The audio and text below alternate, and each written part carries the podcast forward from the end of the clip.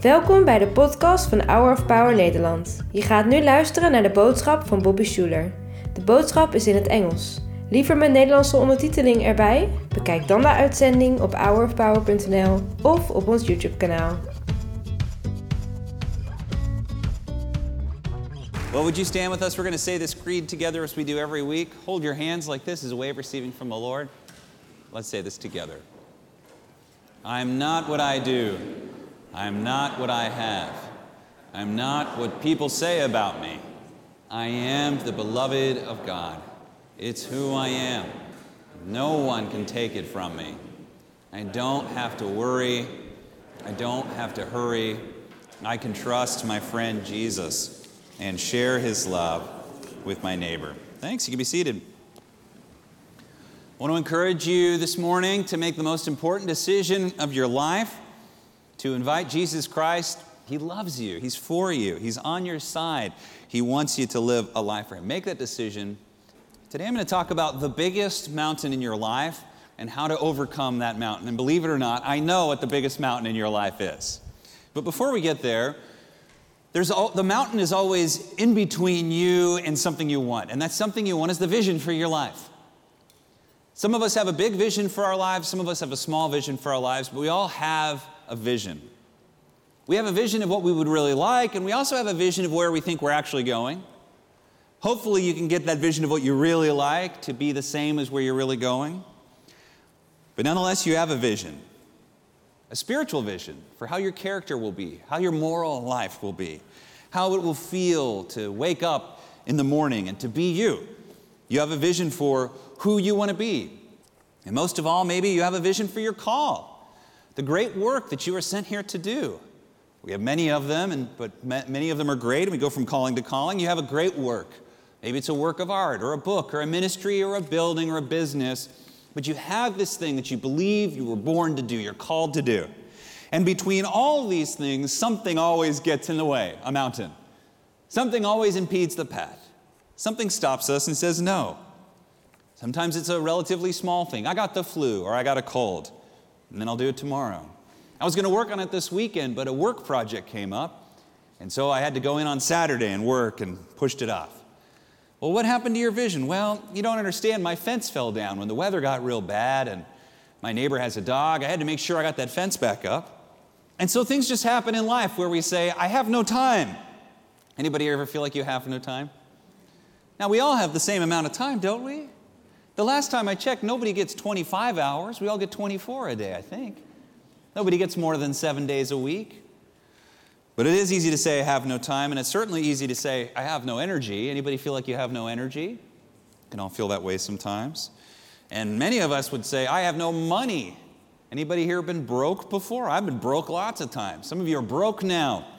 I know what being broke is like. I know what it's like to sleep in your car. I know what it's like to have ramen noodles day in and day out, or hot dogs, or potatoes. I mean, I know. And you get this idea that if I just get a little extra money, everything would change. You would say something like, if I just got this amount of money, then I could finally breathe again. And so we fix our, our life's vision to the money mountain. So we have all these mountains money mountains, time mountains, energy mountains, health mountains, family mountains. And we all want these mountains to move. And we would say, This is my mountain, or that is my mountain. Jesus tells us how to move those mountains, by the way. Remember what he says? If you just had the faith of a mustard seed, you could say to this mountain, Go and be cast into the sea, and it would be. That's good news, and it's true. And you say, But Bobby, I've tried. I've tried faith, I've tried shouting at the mountain, I've tried moving the mountain, and it's still there. I still am broke. I'm still tired. I still have no energy. I still have toxic family members. I can't meet, make any good friends. What is the problem? And I'll tell you, my friend, here's the good news and the bad news. Here's the biggest mountain in your life. Here's the Everest of your life. Here's the Kilimanjaro that's bigger than all the others, and we all have the same mountain, and the mountain is you. Famous quote by Brianna Wiest The mountain is you here's what you can change. You can't change the seasons, you can't change the soil, you can't change the weather, you can't change the wind, but you can change you. And that's good news. I know you can change you because I've seen it. Some of you have ta- heard the things I've said, you've put them into practice, and your life has changed. But in order to, for your life to change, you have to change. And here's how you change. Jesus tells us plainly. Many of us, when we hear, if anybody had the faith of a mustard seed, you could say to this mountain, be cast into the sea, and it would be. Many of us hear mountain. Many of us hear faith, but here's the word that nobody seems to catch from that. And here's the word seed. The word is seed. That's the most important word. That is the formula to fix. That is the thing that changes everything. Here's what faith is faith is not an event. Here's what faith is not faith is not a feeling or an emotion. Faith is not going, I believe. Here's what faith is faith is a seed.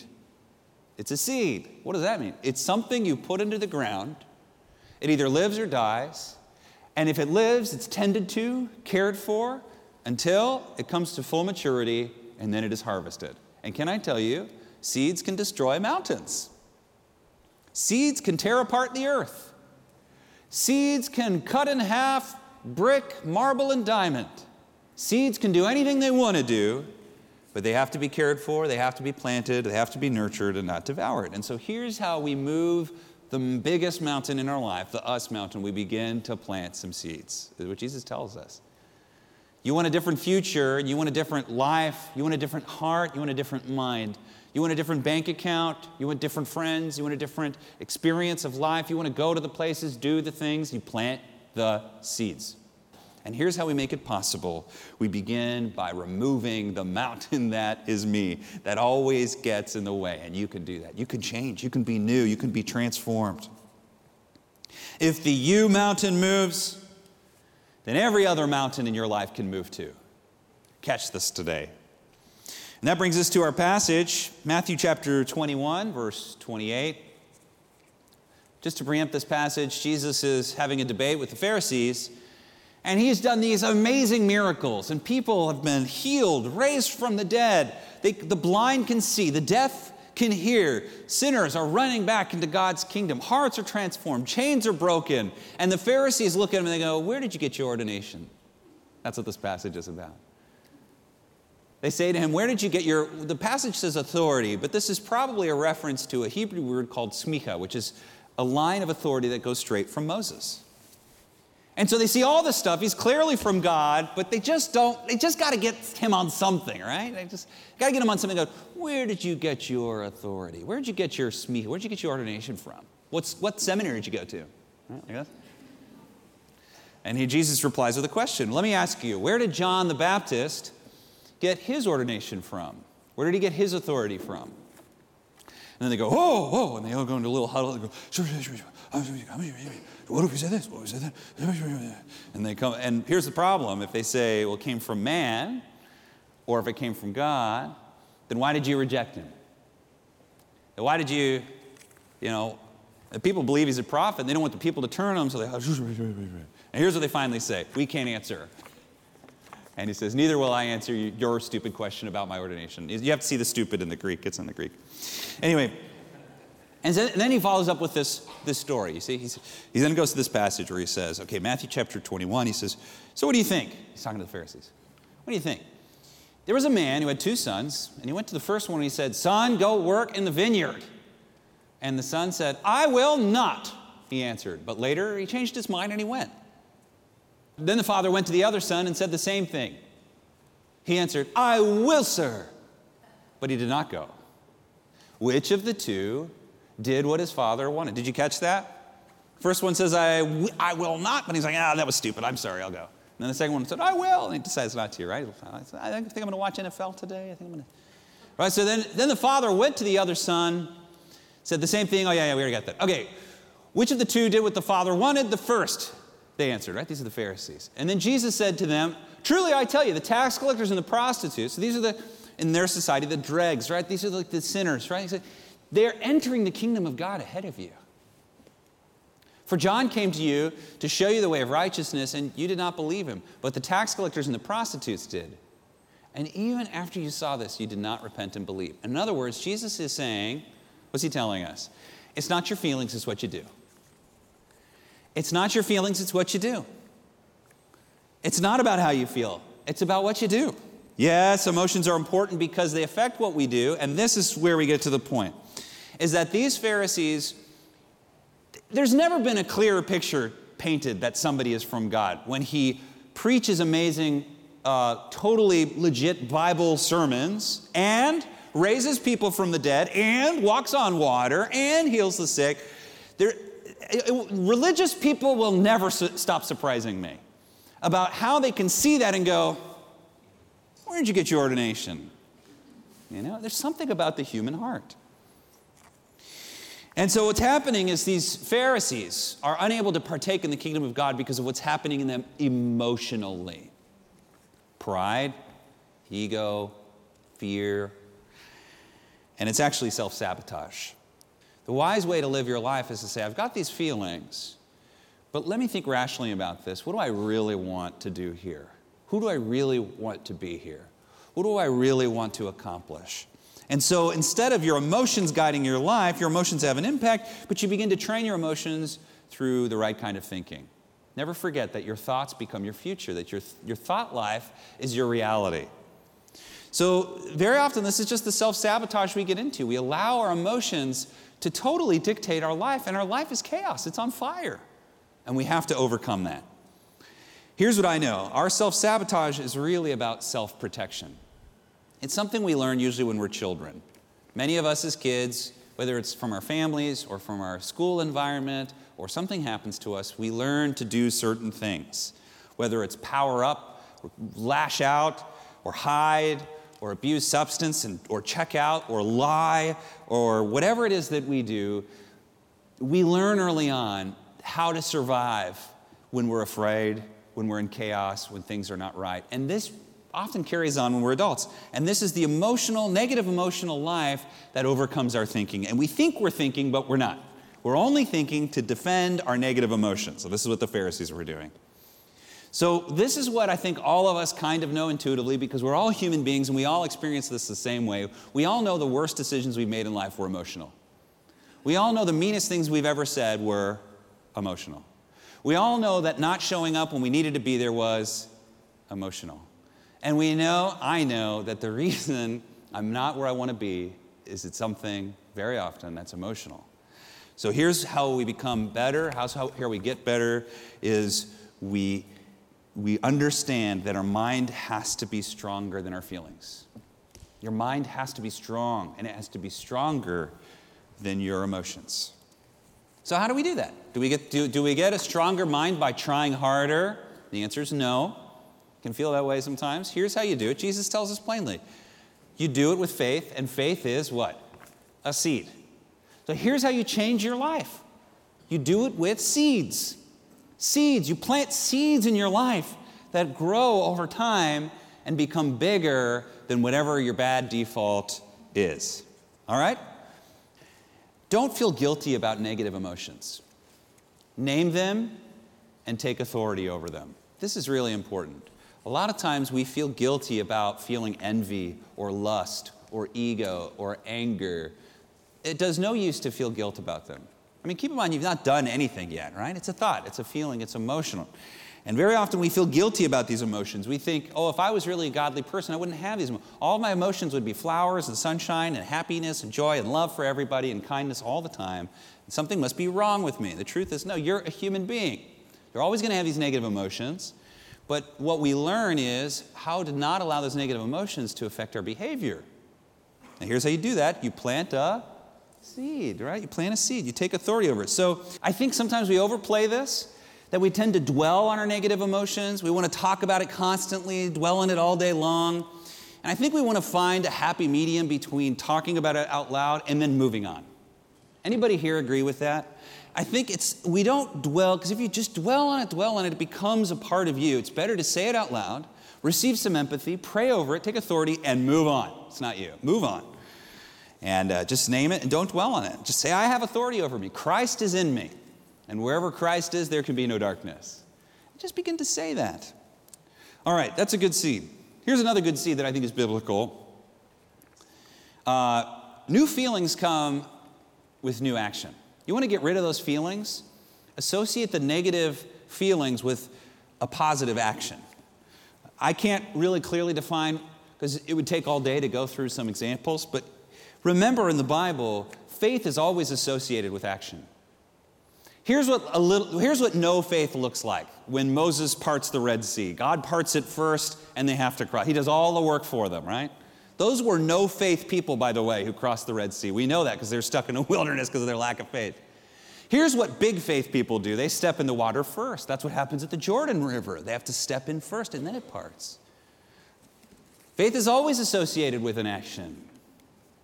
We see that when Jesus uh, heals someone, he tells them to do something. Grab your mat and stand up and wow. Go wash the mud out of your eyes, right? It's always associated with an action. Peter, step out of the boat. If you're going to walk on water, you got to start step one. It's not thinking you can walk on water, it's proving you think you can walk on water by putting a foot on the water. So, so faith is associated. So you want new feelings, pair it with the action. You might say it's hard to do that. Well, that's right If you want a good life, you need to make hard decisions. Hard choices, easy life. Easy decisions, hard life. All right? Don't procrastinate on your idea. Don't procrastinate on the thing you know you're supposed to do. Do it now. Never procrastinate on your good idea. Never procrastinate on showing up for people that need you. Never procrastinate from doing the next right thing. Just do it now instead of the end of the week. Do it today instead of tomorrow, and things will get better for you. Wise man, Dr. Schuller, said, Never cut a tree down in the winter. Why? Because in the winter, all the trees look dead, even though most of them are still alive. What he means by this is never make a big decision in your life, a big choice, when you have a bunch of negative emotions going on. Just as a habit, procrastinate. If you're feeling rotten on the inside and you're about to make some big life changing decision, don't do it. Just wait. Can I get an amen? amen? Our bad decisions are from our bad emotions, 90% of the time. All right. It's simply adding more rhythms in your life that cause you to go in the direction you want your life to go in. It's the power of that 30 to 60 minute block that you have multiples of each day. How many casual, lighthearted, fun conversations do you need with your spouse to heal your marriage? I would say if you did 20 to 30 of those, 30 minutes a day, your marriage will be a lot better. Uh, how, how many minutes a day do you need to exercise to be in the top 1% of athletic people in the world? And the answer is 30 to 60 minutes a day, four days a week.